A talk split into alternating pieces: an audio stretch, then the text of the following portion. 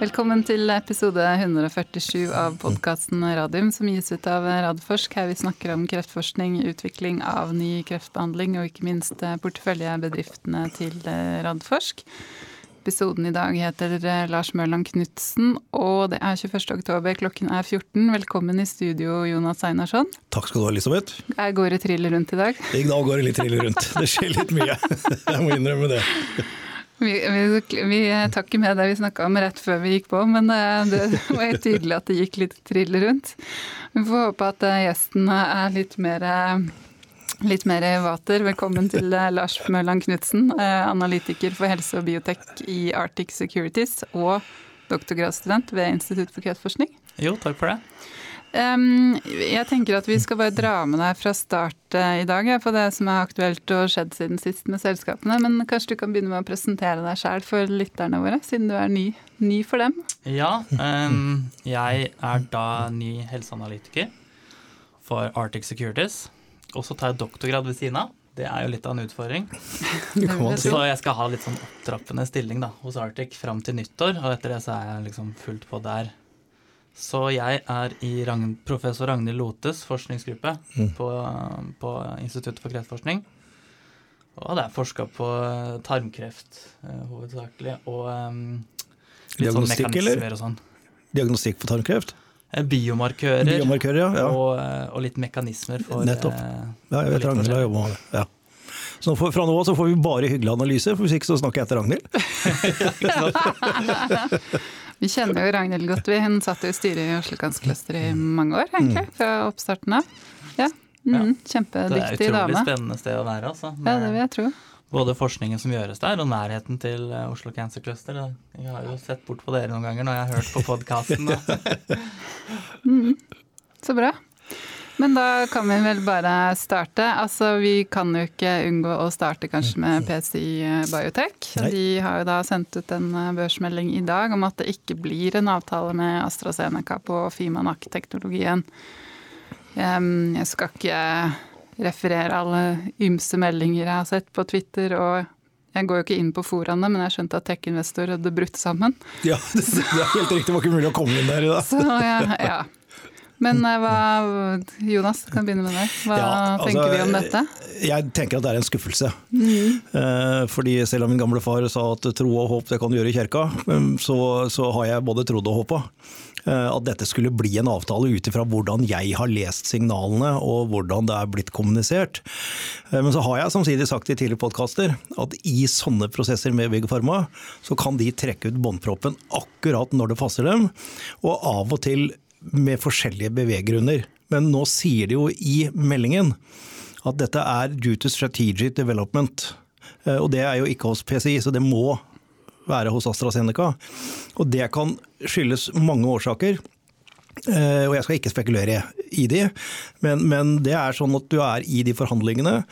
Eh, og jeg husker eh, fortsatt han min gode kollega Anders Tuv. Han var ikke mange svarte hår igjen på det huet etter at han var ferdig med sin prosess med Voxybody, for du lever i den konstante spenningen på om det skal skje eller ikke. Jeg hadde håpa og trodd at det ikke skulle skje nå, men det har skjedd. Og så syns jeg man må være litt edruelig oppi det hele. Ja, altså slutt, Hva er det halvparten? Hvor mye hadde gått ned på børsen, Lars? Du som 50 På et øyeblikk var det 50 ja. Så kan man jo tenke seg hvor, hvor mye egentlig sånn tillagt verdi da, det firmaet ja, ikke sant. Og det, er det, det, man må diskutere litt sånn. Er altså, hva, hva, mener man selskapet fortsatt er verdt, med tanke på at de fortsatt har intakt alle tre plattformene, og at de er i release-studien. Uh, og dette var en bonus man hadde forventa. Hvor mye forventning er det mhm. lagt inn i prisen? Da må vi kanskje tilbake til før januar, hvor de sa at det er AstraZeneca. Og se på prisleie da. og Jeg har ikke sjekka det i dag, men jeg tror det var rundt der vi ser ut til å havne nå. Eh, så da, da, er vi på en måte der, der igjen. Eh, og, og, eh, Om det er overreaksjon eller ikke, det kan man ikke si, for det er det markedet som bestemmer. Og jeg har altså full forståelse for at det er mange investorer som har satt inn sine egne penger i dette selskapet under forventning av at dette skulle lykkes, og som i dag enten har måttet ta et tap med å selge, eller har fått et kraftig papirtap. Og det, det er veldig trist når det skjer, så det har jeg full forståelse for.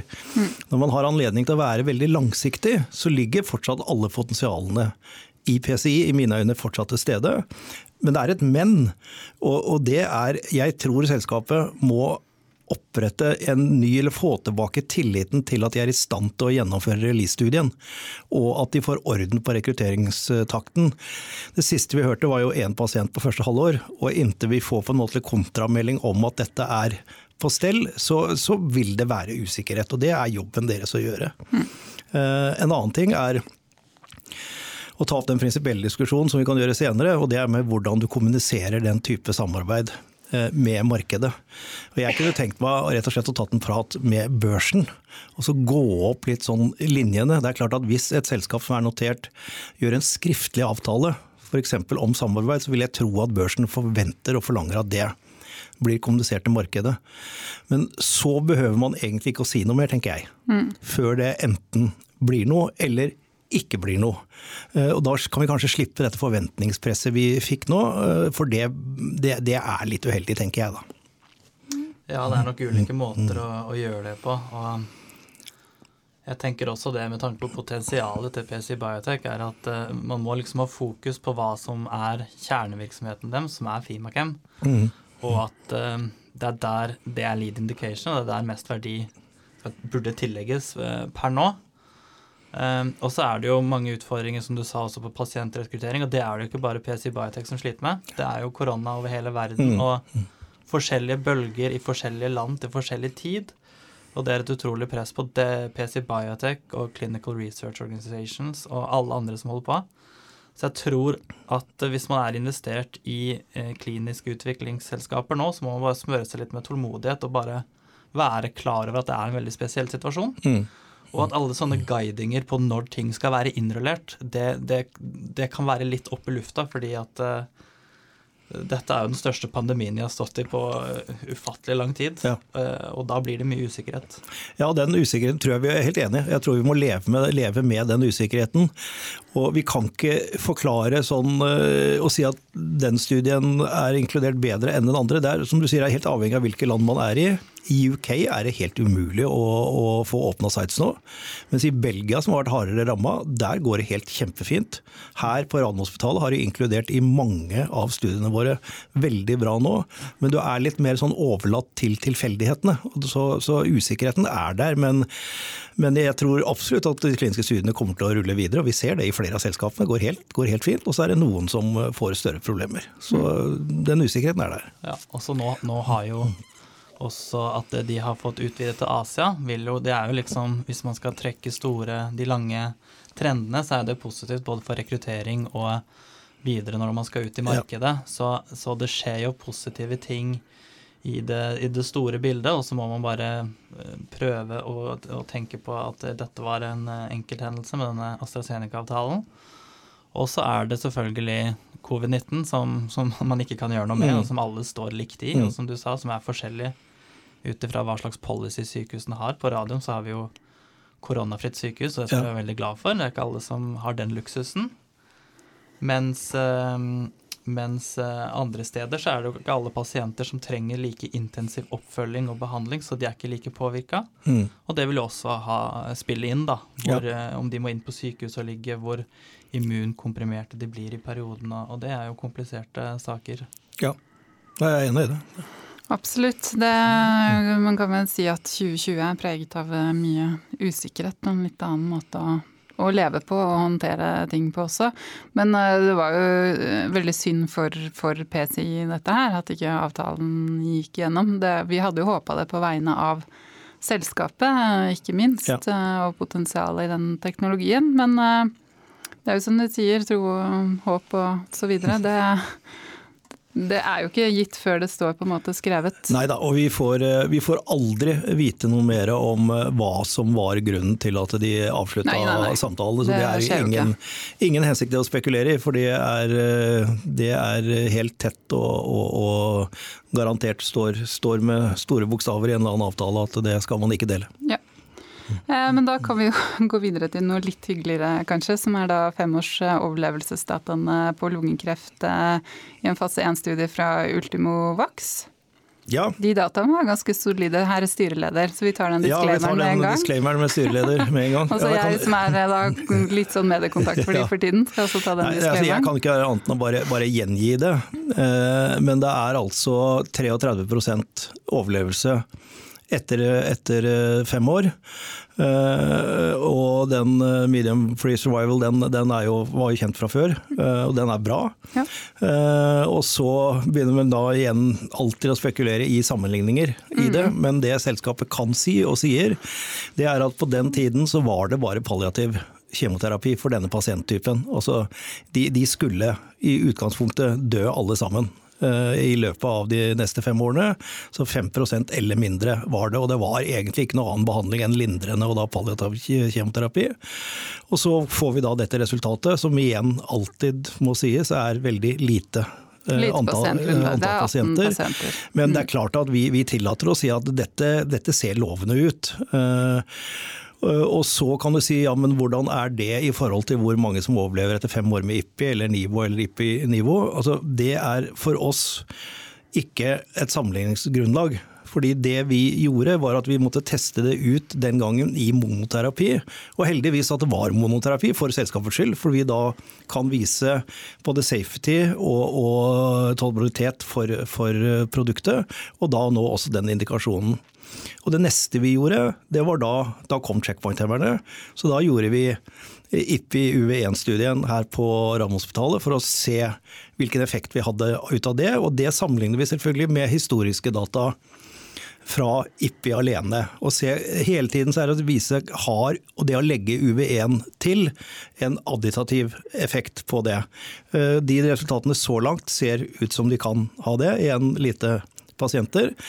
Og så er det da, det er jo en CTLA 4. Og så måtte vi teste ut på PD, PD1, PDL1.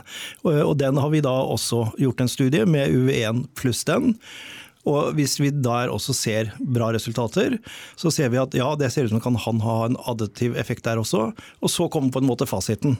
Og det er initiumstudien med IPI pluss NIVO pluss Pluss UV1. Og det blir liksom sånn Avlesning av den blir jo ganske spennende. Ja, den, den er vel med kontroll òg, er det ikke det? Den, det, det, den, er, den er en randomisert Dette var, er vår første randomiserte studie med solid statistiske tall, hvis vi får oppnår de resultatene vi skal ha.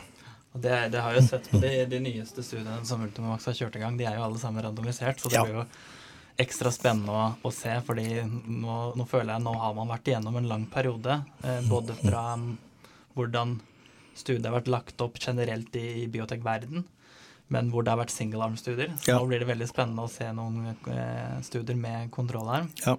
Eh, for da er det jo mye lettere å ta de sterke slutningene. eh, Ja, da, det, altså det, er, det er jo ganske mange pasienter, Mm. eh, og det er kontrollarm. Og da, da kan vi legge fram tallene når de kommer og si at eh, sånn er det. Hazard ratio er så mye, P-verdien er så mye. Og det er statistisk beregna. Da står de for seg selv, og da slipper vi å komme med alle disse disclaimerne om at ikke randomisert og historiske data og alt dette. Så, studie det er Ja. holdt opp mot og alt mulig. så det er, det, det, og, og der er jo også Nordic Nanovektor og PCI i release-studien. ikke sant? Så de, de er jo på det samme stadiet og, og venter de dataene. Så det, det er spennende. Det er, vi er, klart vi er fornøyd med å slippe en sånn melding. Det er bra. Hadde du noe mer å tillegge, Lars, før vi går videre? Nei, det blir bare veldig spennende å følge videre. Nå, Mm. det er så mange selskaper nå Ja. Det føler man har liksom er i forskjellige faser av utrolig gøy. Skjer ting hele tida. Mhm. Det er nok å følge med på, i hvert fall. Eh, neste selskap eh, med gode nyheter er Fotokur, som har da presentert eh, data på effektiviteten av cystoskopi med blålys. Det var vel en bladder cancer-studie? Mm. Ja. ja. Er den presentert der? Hva, hva tenker du om de dataene? Jeg tenker at det er nok én studie Mhm. som tilsier at det å bruke blålys under diagnostikken med, med Hexvik Sysvu, det har noe for seg. Og, og recurrence-raten går ned, og det oppdages uh, svulster som ikke oppdages under, under hvitt lys. Og dette er, bare, dette er sånn man må gjøre når man markedsfører nye produkter, og stadig komme med data som verifiserer. Og i mine øyne så gjør de, disse det helt klart. Ja, altså dette er noe de kan reklamere med, med den nye satsingen Ja. i Europa. Eh, hvor de skal kjøre det selv nå. Så, så er jo dette er jo det beste, det beste reklamen du har, er jo gode studier. Mm. Absolutt. Um, Targovax de har jo da kommet at de har fått en poster som skal komme på SITS. Um, husker jeg ikke helt hva det gikk på, men det er vel Onkos 102 i mesoteliom, er det ikke det? Ja. Hvis ikke jeg husker helt feil. Jeg tror det er riktig, og det de sier i, i meldingen er at uh, dette abstrakte underbygger de foreløpige dataene. Ja. Uh, så vi kan vel i hvert fall ikke forvente oss noen negative uh, opplysninger. Så mm. Men vi får vente og se til, mm. til vi kan få lest det. Mm. Bra, du, bra, å få prestasjon, da, for all del. På sitt, ja. Det ja, er jo en fjerde jeg har hatt den uansett. Ja. Eh, og Targovax de henter jo også 75 millioner kroner nå, eller hentet, i en, i en eh, emisjon. Um, og så da har vi fått et lyttespørsmål eh, hvorfor det ble hentet så lite penger som 75 millioner. Du kan begynne med deg, Jonas. Det tror jeg vi må spørre Øystein Saug om. Nei, men det, jeg vet ikke, og kan ikke spekulere i det heller. Nei. Um, men hva tenker vi om emisjonen generelt? Nei, altså Det er jo fint at jeg får en, en lengre runway. Eh, og, og, det gjelder jo å, få inn penger til å drifte og fullføre studier og få data. Så forhåpentligvis kommer det da nye og solide data. Eh, som de sikkert må hente penger på før eller siden på, på det også. De er i, på en måte i den fasen. Mm. De kan ikke gjøre en 400-500 millioners eh, emisjon og si at nå har vi penger til å kjøre én studie fullt ut, som vi gjorde i, i Ultimovax. De, de, er ikke der nå. Det må komme mer data. Eller partneravtaler. Ja. Lars? Ja, nå, nei, nå sa de vel at de skulle få penger inn i 2022. Mm, Q1 2022, skriver jeg. Så da tenker jeg en viktig trigger det er jo også de um, melanomdataene, hvor de er veldig kompetative. Eh, der kommer det vel noe i eh, guida at det skulle vel komme noe i, siste halvåret 2021, lurer jeg på, mm. hvis jeg husker riktig. Eh, men Så det kan jo Det vil absolutt være veldig viktig da, for den vi, vi, videre satsinga. Og, og, et sted hvor jeg syns de har hatt de mest spennende resultatene, egentlig, sånn sett opp mot internasjonale ja. peers og, og, det som fås til i USA. Mm. Men du nevnte noe med en avtale nettopp i USA på, på et, ja, på et lignende et, selskap? Ja, det er et annet oklytisk virusselskap som heter Replimune. Så de har egentlig De bruker herpesvirus istedenfor mm. uh, adenovirus. Mm. Men de bruker også GM uh, CSF. GMCSF, ja. ja. Mm. Um, og de henta vel nettopp 125 millioner dollar i USA. Det er litt andre så, penger. Det er litt andre penger. jo, men det, det er, liksom, er onkolytisk virus hot or not? Det er hot. Ja, altså du, det, det, er jo tydeligvis mulig å hente millionvis av dollar i USA. Ja. Og de, um, de har jo samme framgangsmåte, så det er ikke så veldig mye som skiller disse to selskapene, egentlig. Mm. Um, de, går, uh, i de, de, har gått i litt forskjellige indikasjoner, men teknologien er jo stort sett uh, det samme utenom at virusene selvfølgelig er forskjellige. Mm. Um, så det er jo litt interessant å se hva som skjer i Norge kontra hva som skjer utenlands noen ganger. Ja, ja med verdisettelser etc. Ja. Men da får vi spørre Øystein da, neste uke når ja, han kommer i studio. Og så skal vi ha med oss da nye forskningssjefen i, uh, i Targovax, Viktor Levitsky, på telefon fra Sveits, tror jeg han eh, holder til. Så det, det, blir hyggelig. Han har ikke vært med oss før i podkasten. Um, men Lars, da kan vi jo konsentrere oss litt mer om deg og det du gjør på, på, som helseanalytiker i, i, Arctic. Mm. Men jeg tenkte vi kunne først liksom starte litt med ja, sånn unntatt nå da, PCI-Astra-avtalen som ikke gikk inn, men de siste ukene har jo vært preget av litt sånn eufori rundt uh, biotek. Mm -hmm. Biotek til værs på børsen, Vaxibody Genentech-avtalen. Ja. Og Jonas her har jo fått sin fair share of hyggelige, hyggelige, overskrifter. Hva... Credit is uh, where credit is due, er det det betyr? ja. Det, ja, men jeg syns jo den uh, euforien, det, det, er jo berettiget på, på, alle plan. Fordi det er jo, som sagt, det er den største avtalen av sitt slag i Norge. Det er første gang jeg tror vi står sånn hvor vi kan lage et stort plattformselskap i mm. Norge som mm. kan virkelig hamle opp med disse internasjonale plattformselskapene som Genmab og, og Moderna og de andre som, som, det er lett å sammenligne med, som også er plattformselskaper som bruker uh, nukleinsyreteknologi. Genmab er jo antistoff, men, men, det er litt det med at man må tenke, man må tenke plattform, ikke, ikke pipeline-produkt. Ja. Og sånn sett så er det jo utrolig spennende, og ikke minst det at de fikk så mye penger up front, som vil gjøre at de kan nå rulle opp ut pipelinen sin, egentlig. Mm, mm, mm. Så, så, jeg er jo kjempeglad for at jeg ble analytiker akkurat nå, når dette skjer. Jeg liksom kommer til eh, den eh, festen som dras i gang. Ja. Mm. jeg, er, jeg, er, helt enig i det, og jeg er veldig glad for at du også som analytiker understreker det vi har snakka om nå i, i begge podkastene etter at dette kom fram. Eh, hva et teknologiplattformselskap kan være, og, og liksom understreke at det de har lisensiert ut nå, er en svært begrenset del av plattformen. Eh, med klare avgrensninger, og som åpner opp for andre partneravtaler, som de har sagt at det er deres strategi å, å gjøre. Og så ikke minst det poenget at det er eh, Vi pleier jo alltid å si at sånne, den type avtaler er sånn biodollar avtaler med 2 kroner og 50 øre i upfront og kanskje noe royalty og noe milestones. Men her, her legger de 200 eh, millioner dollar på bordet i upfront og near term payment. Og near term payment det er datodrevet og ikke data drevet. Og, det, det, begynner å bli noen penger, altså.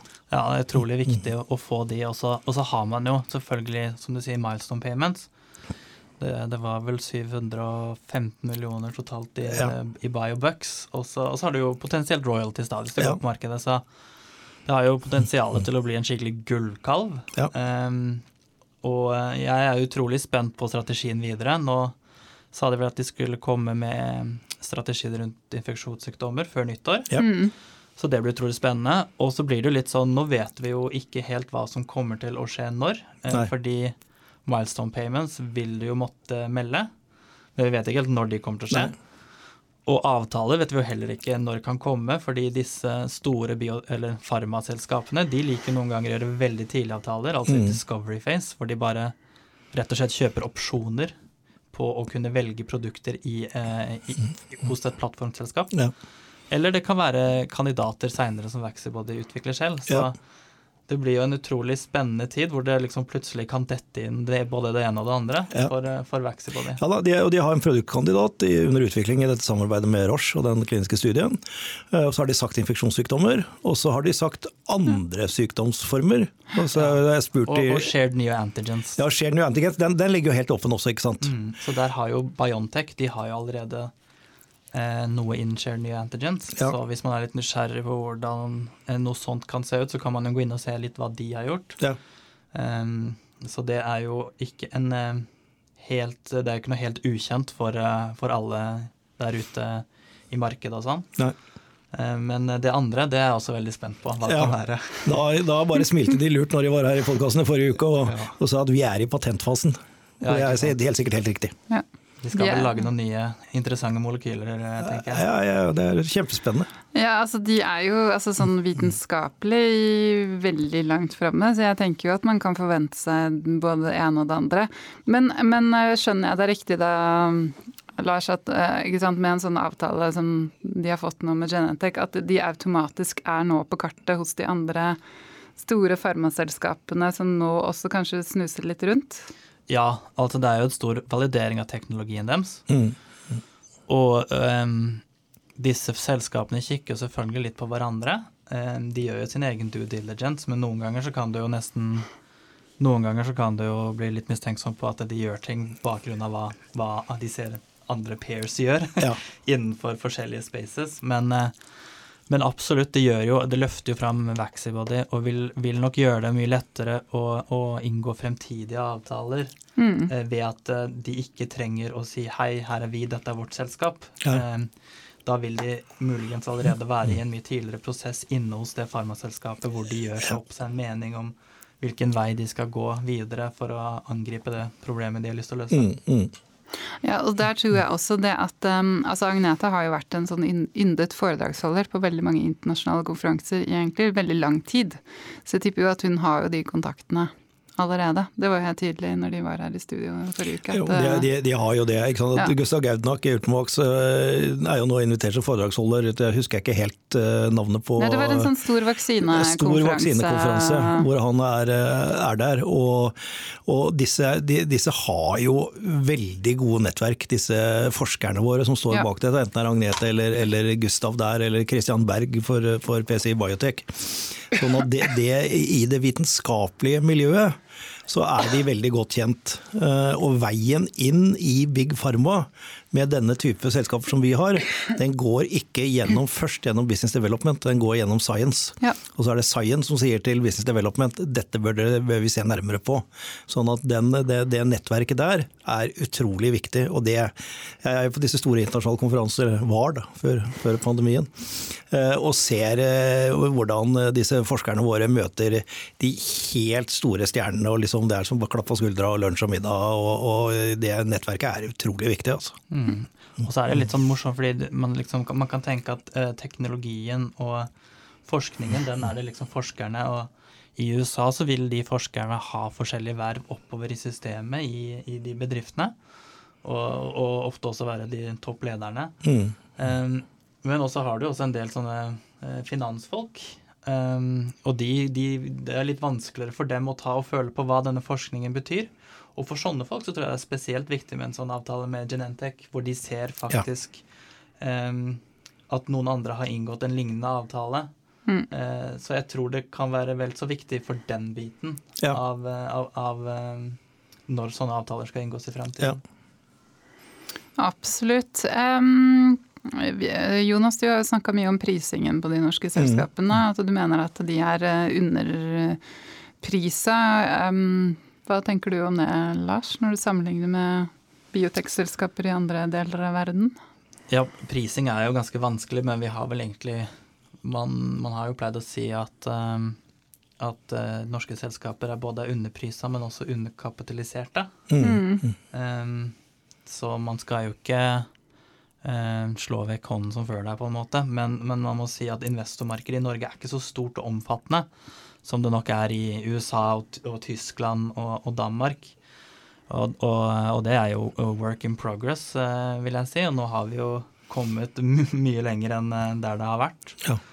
Og, sånn sett så kan jo også Vaxivody nok være en, en, foreløper for andre selskaper ja. og vise veldig mange at det er verdier å hente i å investere i disse selskapene.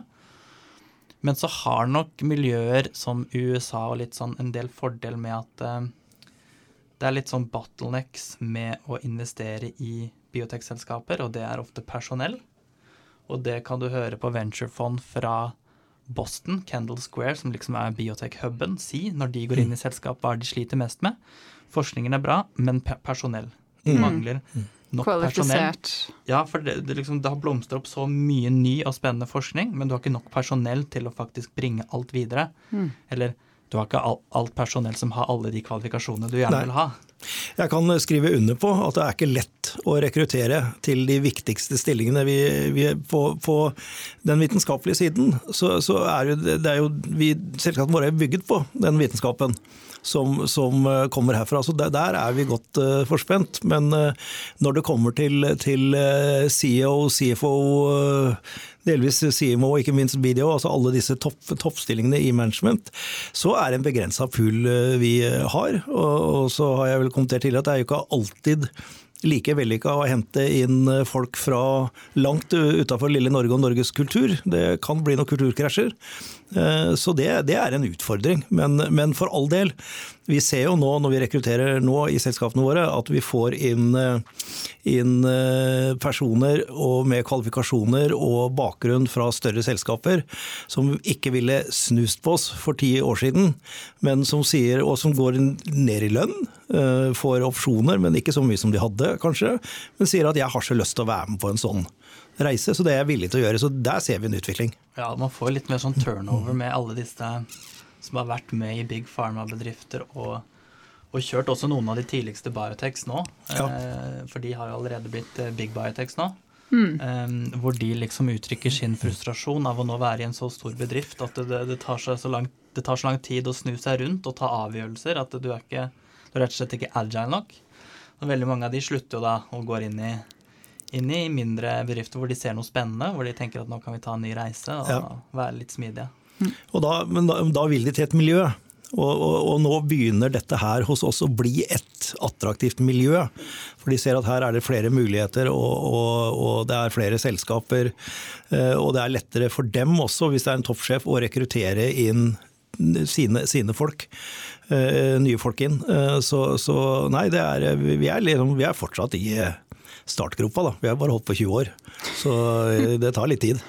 Men det er jo veldig mange av selskapene som har med seg internasjonale Nå, ja, altså toppfolk ja. i ledelsen og har hatt i flere år. Ja, ja. Sånn, ja.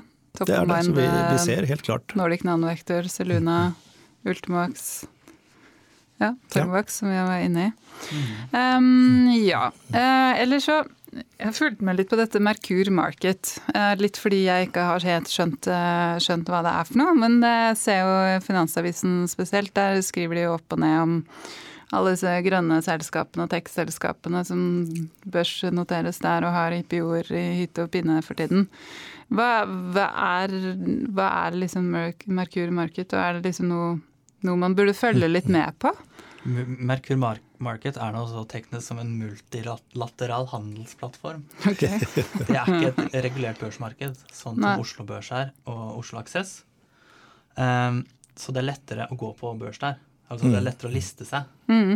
uh, på Merkur. Men det er eid av Oslo Børs? Det er eid av Oslo Børs. Mm. Um, og så er det noen andre sånn småforskjeller da, som, eh, som, slår til. Sånn som hvis du tar et eh, Nå, nå ble det vel litt rundt det med Vaxibody ja. og, og, Kahoot. fordi hvis du liksom går på Merkur, så, så har du ikke blitt lista på en, på en børs, og da har ikke den verdien i selskapet ennå egentlig slått inn på, som, som, eh, på deg som privatperson, hvis du eier masse aksjer i det. Mm.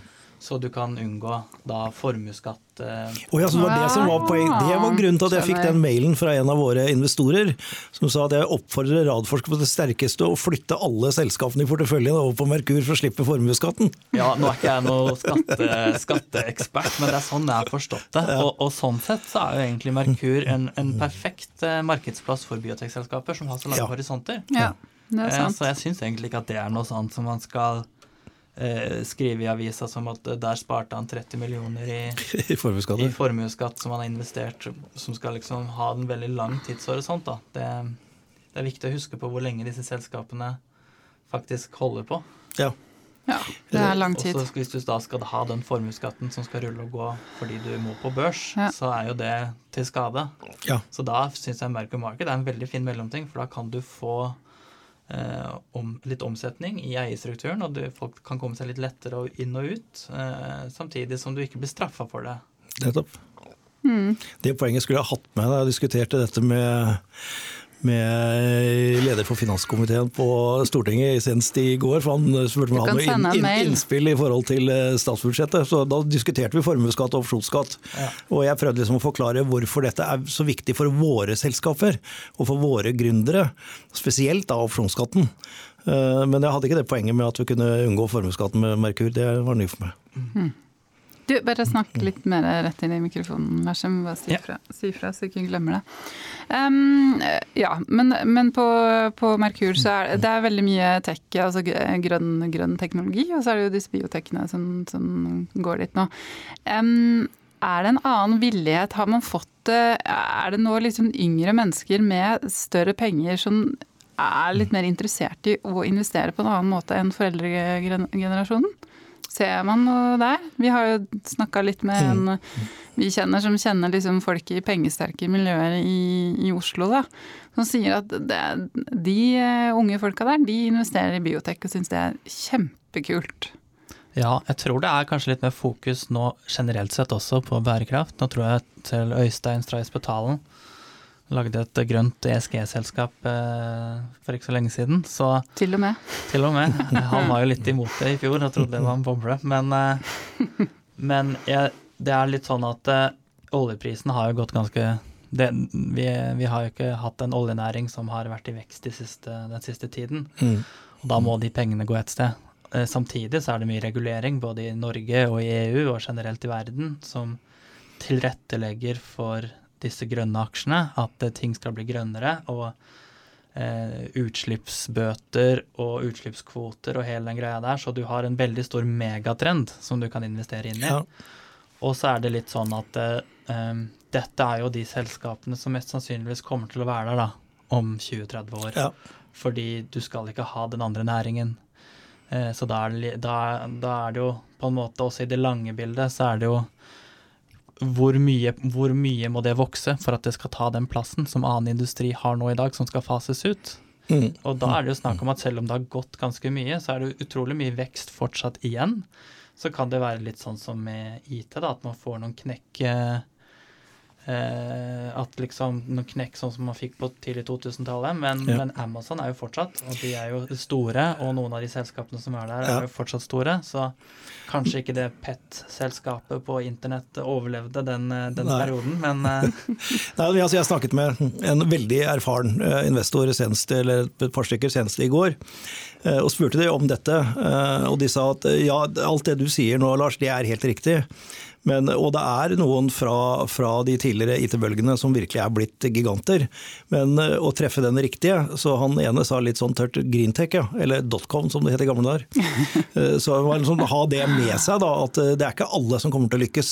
Nei, det, det, det, jeg tror det Hvis du tar fra, drar fra toppen i, når, den, når den bobla sprakk Hvis du drar fra toppen fra når den bobla sprakk, også til, til Så er det ikke så er det ganske lang, lang, mange år du måtte fram i tid før, eh, før du i det hele tatt var i null.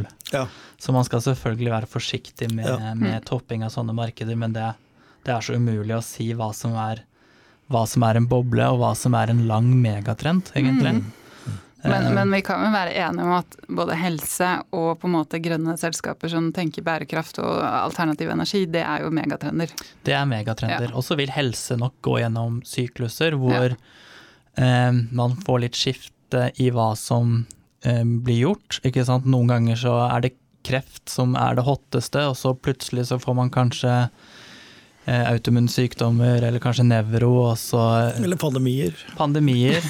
og så går det sikkert eh, mer og mer mot aldring til slutt. Ja, Ja, det tror jeg også. og det Den er siste fienden i Silicon Valley. sekkebetegnelse. Og som er totalt uløst Ja. uh, i dag. Altså type Alzheimer, demens, uh, den type ting. Det er, uh, det er, det er et, et nå som blir søkt om, er det ikke Alzheimer-produkt som eh, blir, blir eh, Behandling? Ja, som behandling. Jeg har ikke satt meg inn i det. Men jeg Det er Biogen. Er det Biogen, ja? Jeg tror det er Biogen eh, sin Jeg skal ikke prøve å uttale navnet, det begynner på noe med A. Og jeg tror det er eh, samme mekanisme som det alltid er. Denne um, amyloid, Myelin eh, amyloid, eh, Ja. amyloid eh, Plakkene. Ja, Ja. som de går mot. Um, så folk er litt spente, for dataen er litt så som så. Ja, Ja. akkurat. Em, og eh, det blir spennende å se. Det, det kan jo fort være en sånn eh, hvor eh, det blir godkjent på bakgrunn av at ikke det er så veldig mye annet tilbud. Ja. også får dataene etter hvert vise om det, Om det- om det om har det står seg eller ikke. Ja. Ja, det var spennende. Men, men eh, holdt på å si eh, Ja, for da er det det behandlende. Men ja. Nei, jeg vet ikke hva spørsmålet mitt var, egentlig. Em, skal vi dykke litt ned i de børsnoterte selskapene til eh, Radforsk? Like greit. Jeg vet ikke, Vaxbody har vi vært innom, så jeg vet ikke om du har noe mer å tilføye på de, egentlig? Vi oppsummerte vel forrige uke når vi hadde med oss eh, Mikael og, Ja. og Agnete med at eh, sky is the limit. Nei, men jeg forstår jo på Lars at du er, er enig med meg at det her har man gjort en veldig god avtale. Og det gjelder en liten, begrenset del av plattformen, og det ligger store potensialer i plattformen. Ja. Ja. Så, så skal ikke si for mye, men, men, men, men det, er, det er vanskelig å sette seg inn i hvor, hvor, hvor verdifulle sånne øh, plattformselskaper faktisk kan bli hvis de lykkes. Mm. Fordi innenfor medisin så er det snakk om så store summer. Ja. Så det blir utrolig spennende å følge med på. Mm.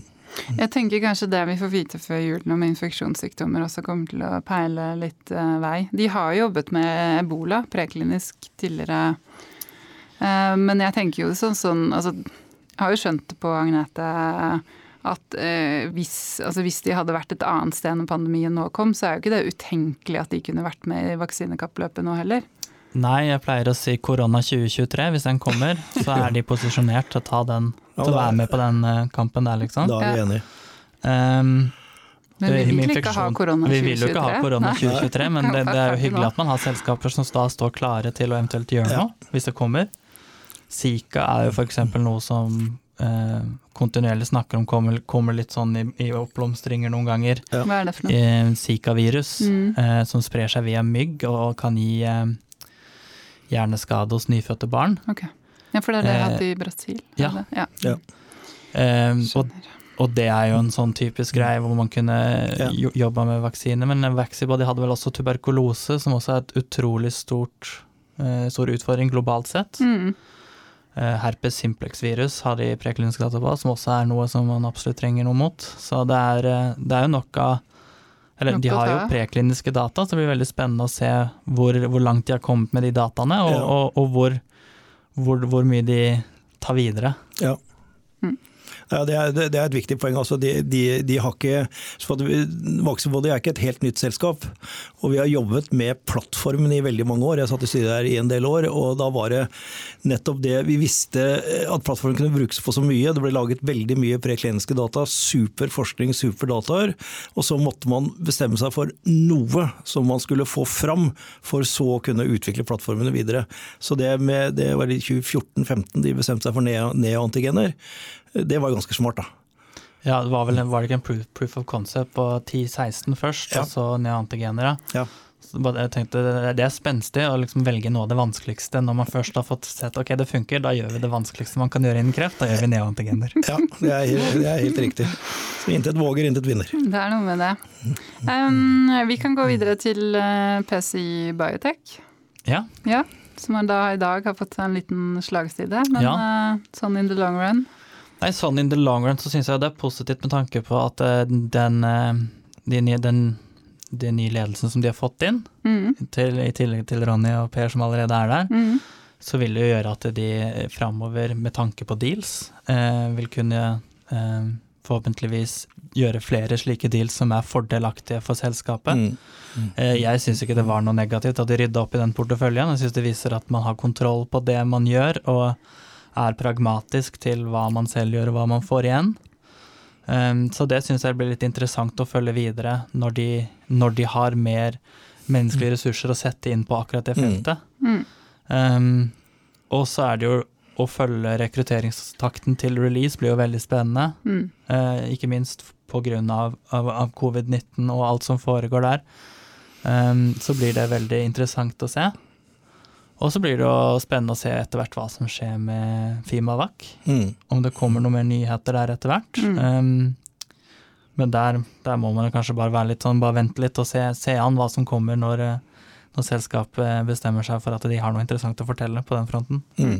mm. Det, er det, det, er noe med det. Har du noe å tilføye? Nei, jeg er, jeg er helt enig. Uh, og, og Eh, ikke sånn make or break, fordi de er der. Og, og de har jo hele tiden sagt fra dag én at Fimanak den skal de være helt pragmatiske til. Der må folk komme og spørre om et samarbeid, og så må de selv ta initiativet. Og at de ikke de gjør noe selv der. Og kom jo langt, da. For all, for all del. De, de, de, de, gjorde det, og det, det bør jo kunne åpne, åpne, for at det kan skje igjen. Men igjen tilbake, altså det er Release-studio og Fimakem som er syretesten for de nå mm. i den nærmeste tiden. Absolutt. Og de har vel akkurat, har ikke de akkurat lagt ut en stilling på en klinisk prosjektleder der? på det vet jeg ikke. Jo, jeg mener jeg, Føler jeg meg ikke jeg mener jeg hjalp Ronny med å spre noe i sosiale medier. Um, da kan vi gå videre til Targovac, som vi også har vært uh, innom. Ja. ja. ja så der, for meg så er det jo, som jeg sa tidligere, det er melanomdataene mm. som jeg egentlig venter mest på der, som jeg syns er de mest spennende. Hvor jeg føler virkelig at det er Eh, den, det signalet de har sett, er så, så sterkt i forhold til biologien vanligvis, hvor du, de da hadde gitt denne, det onkolytiske viruset til pasienter som allerede er refraktære til immunterapi, så de skulle ikke respondert. Og så får de samme immunterapien på nytt etter de har mm. fått dette onkolytiske viruset, og så hadde du da complete response, og det er jo, eh, det er jo ikke selvfølgelig i alle pasientene, men det var vel i 33% eller noe mm. Og det er jo eh, et veldig bra biologisk signal, og det, liksom, det, tyder veldig mye på at det er en effekt der. Mm. Og jeg tror at melanom og andre immunogene svulster kan være gode indikasjoner for dette her. Um, så det, det, er det som jeg gleder meg kanskje mest til med, med Targovax. Mm. Mm. Og så blir det litt spennende å se disse nye uh, Det er jo liksom Det er mer krydder, da, men det er disse neste onkolytiske virusene som de, som de arbeider med, som de har sagt de skal komme med. Uh, det blir litt spennende å se hvordan de blir designa. Mm. Um, nå er det liksom forskjellige typer der ute. Noen med CTLA4-stimulering, uh, og noen med 4-1NB og sånne ting. Så det blir det er forskjellige sånne immunmarkører og Du så at jeg så ut som et spørsmålstegn? ja, jeg så at du snakket litt på, på Jeg har ikke helt pokeransikt. men, men, men det, er, det, er, det er interessante eh, mekanismer mm. som brukes allerede nå innenfor, mm. uh, innenfor, behandling og utprøvning. Så om de kan få til det inni de onkolytiske virusene, så hadde det vært veldig spennende. Mm. De jobber nok hardt med det. De har ikke de laben sin i Finland, hvis ikke jeg husker rett? Eh, eller, uh, spunnet ut av finsk universitet, i hvert fall? Ja da, det, ja. det er det. Onkos eh, var jo et, et finsk selskap når mm. vi, det ble fusjonert med, med Targovax. Mm. Så den vitenskapelige delen har i hvert fall, så lenge jeg var der, så var det, lå den i Finland. Mm. Vi kan gå videre til Nordic Nanovektor. Ja, ja der er det paradigme, paradigme, paradigme. ja. ja, det har gått litt opp og ned før det var paradigme. Ja, ja det har mhm. jo det. Um, det har jo vært litt sånn Det har vært litt av en um, berg-og-dal-bane med tanke på også hva man skal fokusere på og, og gjøre og alt det. Men um, nå er det jo fullt fokus på paradigme, og det mm. Nå så jeg nettopp for litt siden at Roche i sin oppdatering eh, nettopp kansellerte sin utprøvning innen relapsed and refractory eh, okay. FL. Samme indikasjon som Nordic Nanovektor. Mm. Eh, jeg tror ikke de ga noen spesiell grunn for det, men jeg tror det ble spekulert i om det kunne være pga. problemer med rekruttering. Så det er ikke det er ikke bare Nordic Nanovektor, det er også store aktører som Roche som kan slite i sånne indikasjoner hvor, ja. Ja. hvor, det, er, hvor det, er, mye som skjer. Men uh, det blir veldig spennende å følge framover. Og, og de, de, har jo kommet i en i en uh, fase nå at uh, de, de, store selskapene de, de, kan jo gå inn på veldig mange forskjellige tidspunkt, uh, både preklinisk og i løpet av kliniske forsøk. Men et sted hvor du ser at en del av de går inn og kjøper opp selskaper og assets, det er jo etter du har blitt deriska. Altså etter du har gjort mm. den ferdig, siste studien, mm. og du har fått resultatene, sånn at de ikke sitter med så mye risiko selv. Og sånn sett så er det veldig spennende at Nordic Nanovektor nå begynner å komme i den fasen hvor, hvor det med oppmerksomhet og det med at eh, klinikere rett og slett må ta stilling til eh, betalutin, det nærmer seg. Mm. Mm. Og jeg tror det vil gjøre veldig mye for, eh, for selskapet. Ja. Så her kan det liksom skje noe stort i løpet av ganske kort tid, tenker du? Det vil jo komme an på rekrutteringa til ja. Paradigma, hvor fort den kan komme i gang, i gang. og søknadsprosessen rundt. Ja. Men det er viktig å bare ha i bakhodet at uh, når man kommer til sånne inflection points, hvor du er så seint i stadiet med en behandling som du egentlig vet liksom, Du vet jo at det funker i de pasientene, mm. så skal man ha en prosentandel at det funker i akkurat den gruppen. Men når du får inn de dataene av den typen, så så er det mye lettere for store selskaper å ta stilling til det. Ja. Også som sagt så må da leger og onkologer de må jo ta stilling til det som en, et behandlingsalternativ. Mm. Og jeg, jeg syns jeg har sett litt sånn innenfor FL at uh, det er veldig mange av de nye behandlingene som ikke blir snakket om før de egentlig er klare for å, å bli tatt i bruk i klinikken. Og da blir de liksom snakka om som en ny behandling, ja. ikke som en sånn kommende behandling, men da er det en ny behandling. Ja. Mm. Så, um, så, ja. Så det blir jo spennende å se hvordan det, hvordan det kommer til å gå. Mm. Einarsson? Ja, nei, jeg, er, helt enig med Lars. Det er, det er paradigme, paradigme, paradigme eh, og rekruttering, rekruttering, rekruttering som, som gjelder. Eh, men eh, jeg har sånn veldig in, in mind de, de siste faktisk prekliniske dataene som kom nå, med, med kombinasjon med rituximab. For jeg tror betalutin blir et produkt på markedet, men jeg tror den store fremtiden for betalutin blir i kombinasjon med andre sånn type rituximab, og da kombinasjonen med å oppregulere og nedregulere to forskjellige, altså CD20 og CD37 i dette tilfellet her. Mm. Og det vil jo også gjøre at rituximab kan brukes mye mer og mye lenger. Og det er vel et selskap som kanskje kan tenke seg å se litt nærmere på også, for alt jeg vet. Hva heter det selskapet? Nei, jeg er litt usikker. Det er vel, eh, de har akkurat, akkurat avsluttet en studie, har ikke det? Ja, ikke sant. De har nettopp avsluttet noen studier, kanskje. Ja. ja men det, ja, det er absolutt spennende, det. Den Archer-studien er vel satt opp eh, på det, på det premisset, og de, ja. de fikk utrolig gode resultater i det.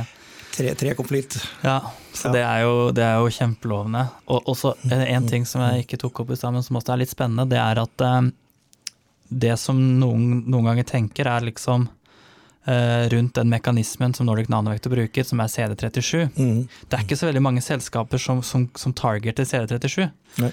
Uh, men nå, kommer, eh, nå skal Genmab begynne med en behandling mot CD37, og så tenker folk sånn ah, altså, konkurranse, det er så fryktelig.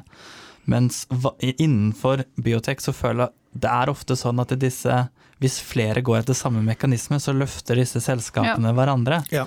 Så får du økt fokus og økt eh, liksom derisking av en mekanisme, som at det er en lovende mekanisme å gå for. Mm.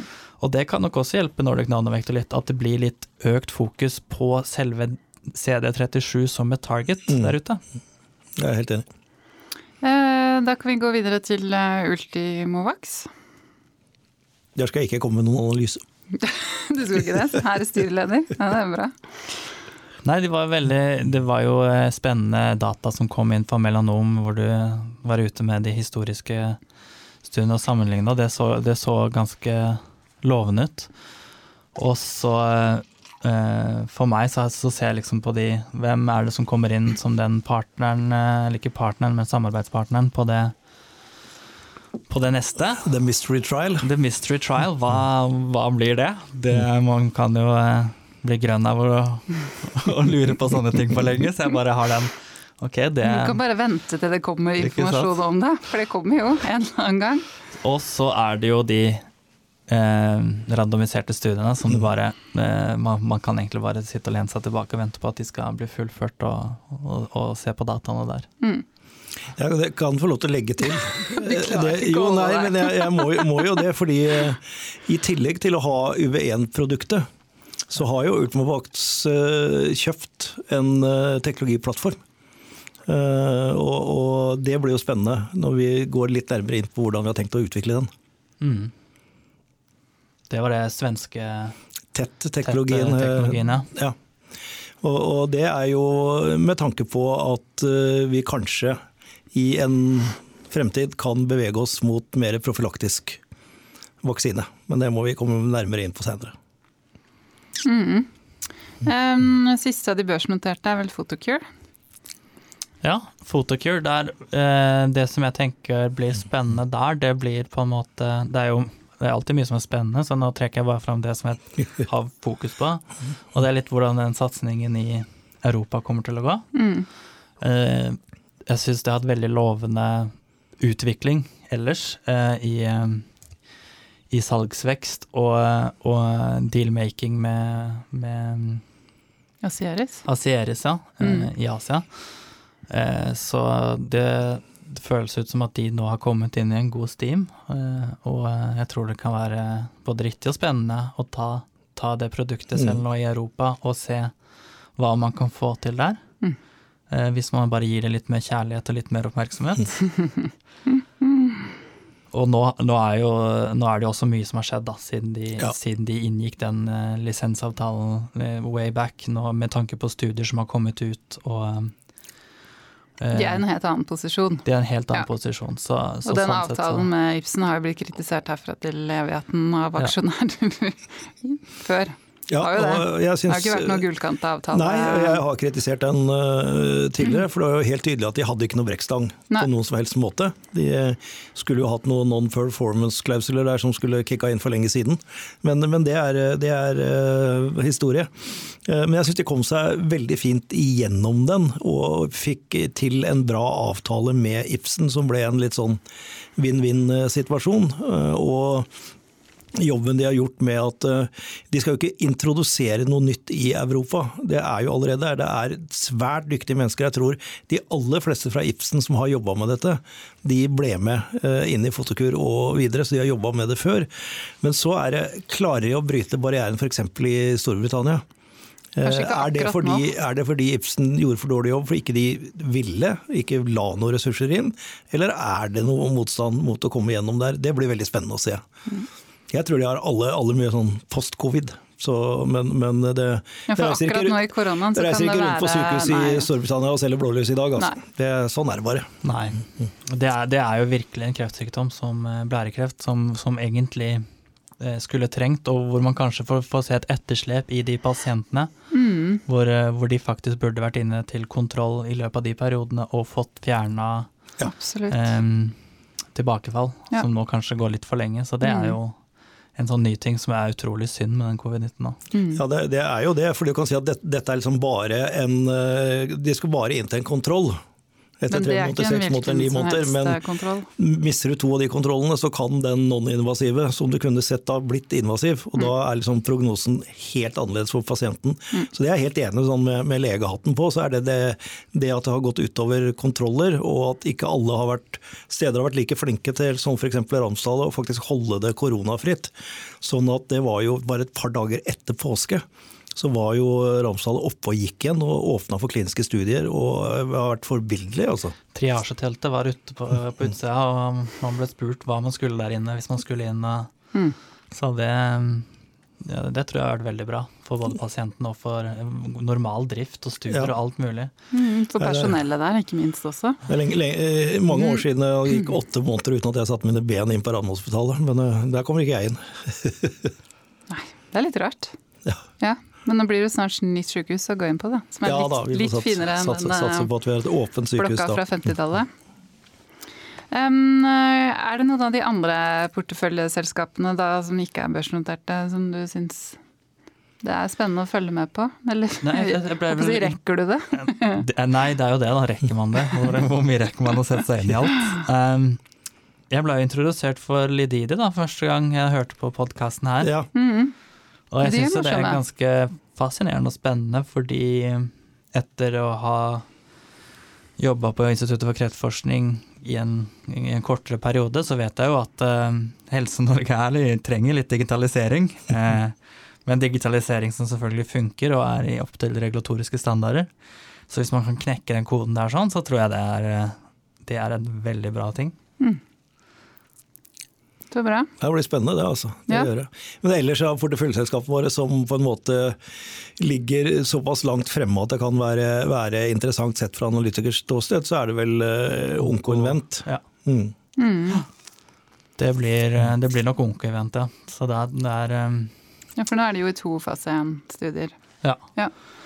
Så det, det blir nok å ta noen nærmere kikk på de kanskje etter hvert. Mm. Og så eh, De har jo noen greie gründere også, Ja, de har jo det. men, men helt grei track record. Ja. Ja. Og så med tanke på at jeg har jo en kollektalkancerbakgrunn, så ser jeg jo Ja. Ja, nødvendigheten nettopp. for, for den behandlingen som, Mm. de, som de tilbyr. Så det er absolutt spennende. Seluna, da. Seluna, ja. Eh, De har jeg ikke fått kikket sånn utrolig mye på. Nei. Jeg syns at eh, alle sånne, ikke alle, men veldig mange av de selskapene som driver med sånn selvterapi, de er et studie i seg selv. Det er jo Komplisert. utrolig komplisert Mm. biologi biologi som man må sette seg inn i. Mm. Eh, Og man skal ha liksom hodet på rett plass, og når man, når man, når man leser på det, så man ikke misforstår. Og egentlig så burde man kanskje helt sitte med en av de som faktisk driver selskapet, for Mm. å Mm. skjønne hvordan det differensierer seg fra andre aktører ute i markedet. Eh, Så det er en utrolig spennende space, men også et utrolig komplisert space, Mm. hvor uh, ting skjer veldig fort, og hvor uh, det virker som det er kontinuerlig forbedring både på manufacturing-siden og behandlingssiden og levetiden til disse mm. klonene som de sprøyter inn. Og da er det snakk om modifisering av det ene og det andre av små proteiner på overflaten. Yeah. Og det å ha kontroll på det, det det unner. Nei, det, er helt, det, altså, det, er helt, riktig. Det er, det er, utrolig komplisert, og det er mange hurdles som skal overvinnes. og Det Seluna gjør nå, er barskt. Altså, de, de, sikter på å gå fra gokartklassen til eh, Formel 1 på Monza i et uh, jafs. Uh, med å gå for noe man aldri har gjort før, NKTCR. Uh, og hvis de, hvis de, lykkes, så begynner du å liksom snakke off the shelf selvterapi. Det vil være en game changer, men preklinisk.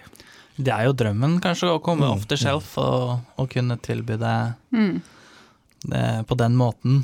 Det er jo der veldig mange prøver å komme med, ikke NK, men med T-celler, og, mm. mm. og um, hvor det gjøres mye arbeid. Så det blir veldig spennende å følge den, den, um, den bransjen framover. Nå så vi jo med Novartis og Gilead, som hadde sine behandlinger innenfor med hvor de angrep CD19, at um, at det er ikke bare å lage en sånn behandling som er effektiv, det er også utrolig mye regulatorisk og, og.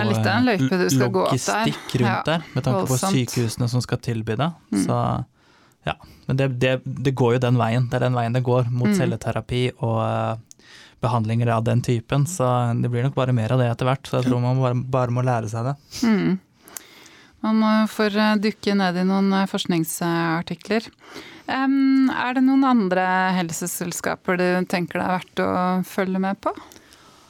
I Norge så er det kanskje litt spennende med Bergen Bio, som eh, nettopp meldte at de innrullerte første pasient i den oppstartede covid-19-studien mm. i ja, Sør-Afrika og India.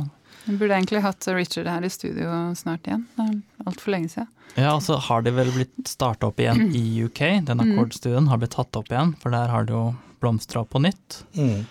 Um, så det blir litt spennende å følge den. Nå kom det litt uh, negative resultater med tanke på hvordan vi behandler eh, covid-19. Uh, Remdesivir og de andre som mm. var i ja. WHO og HO sin studie, mm.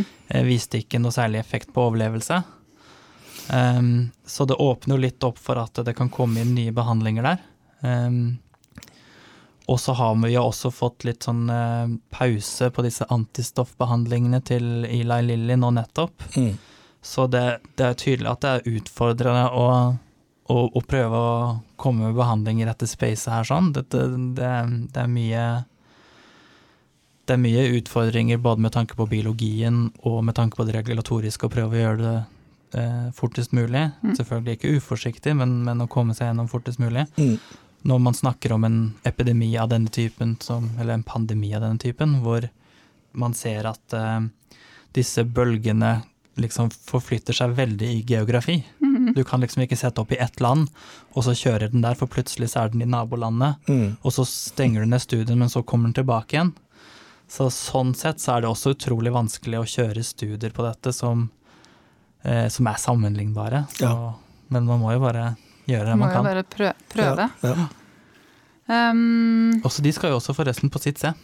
Ja. De har en oral presentation på sitt C i um, checkpoint refractory lungekreft. Akkurat, det er spennende. Det er veldig spennende. Nå, vi må få, om ikke få Richard hit fra Bergen til Oslo, så kan vi ha ham på telefon. Ja. Vi klarer jo sånne telefonintervjuer etter hvert.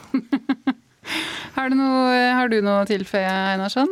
Nei, nå har jeg akkurat fått to sinte Du har fått to sinte SMS-er? SMS-er om at jeg skulle, skulle, skulle, vært i neste møte for fem minutter siden. Så, men det har vært utrolig hyggelig å, å møte deg, Lars. Jo, takk. Jeg er veldig glad for at sånne fagfolk som deg også går inn og ser det fra den analytiker og fra, fra finanssiden. For du har et veldig godt utgangspunkt for å skjønne denne nye, og at du er ung og skjønner denne nye verden. At å utvikle kreftlegemidler i dag er ikke det samme som det var når vi utvikla ny cytostatskap for 15 år siden. Så du har forhåpentligvis ikke de Excel-arkene på din PC, men har en moderne Excel-ark som uh, gjør analysene ut ifra hvordan verden ser ut i dag. Ja, Excel-ark blir det garantert, men, uh, men ja, de er, litt, de er, nok litt annerledes enn ja. de der, ja. ja. Så det er bra. Så bra. Da får du løpe i møtet ditt, så du slipper å få så mye kjeft. Takk for i dag. Ja, takk for i dag.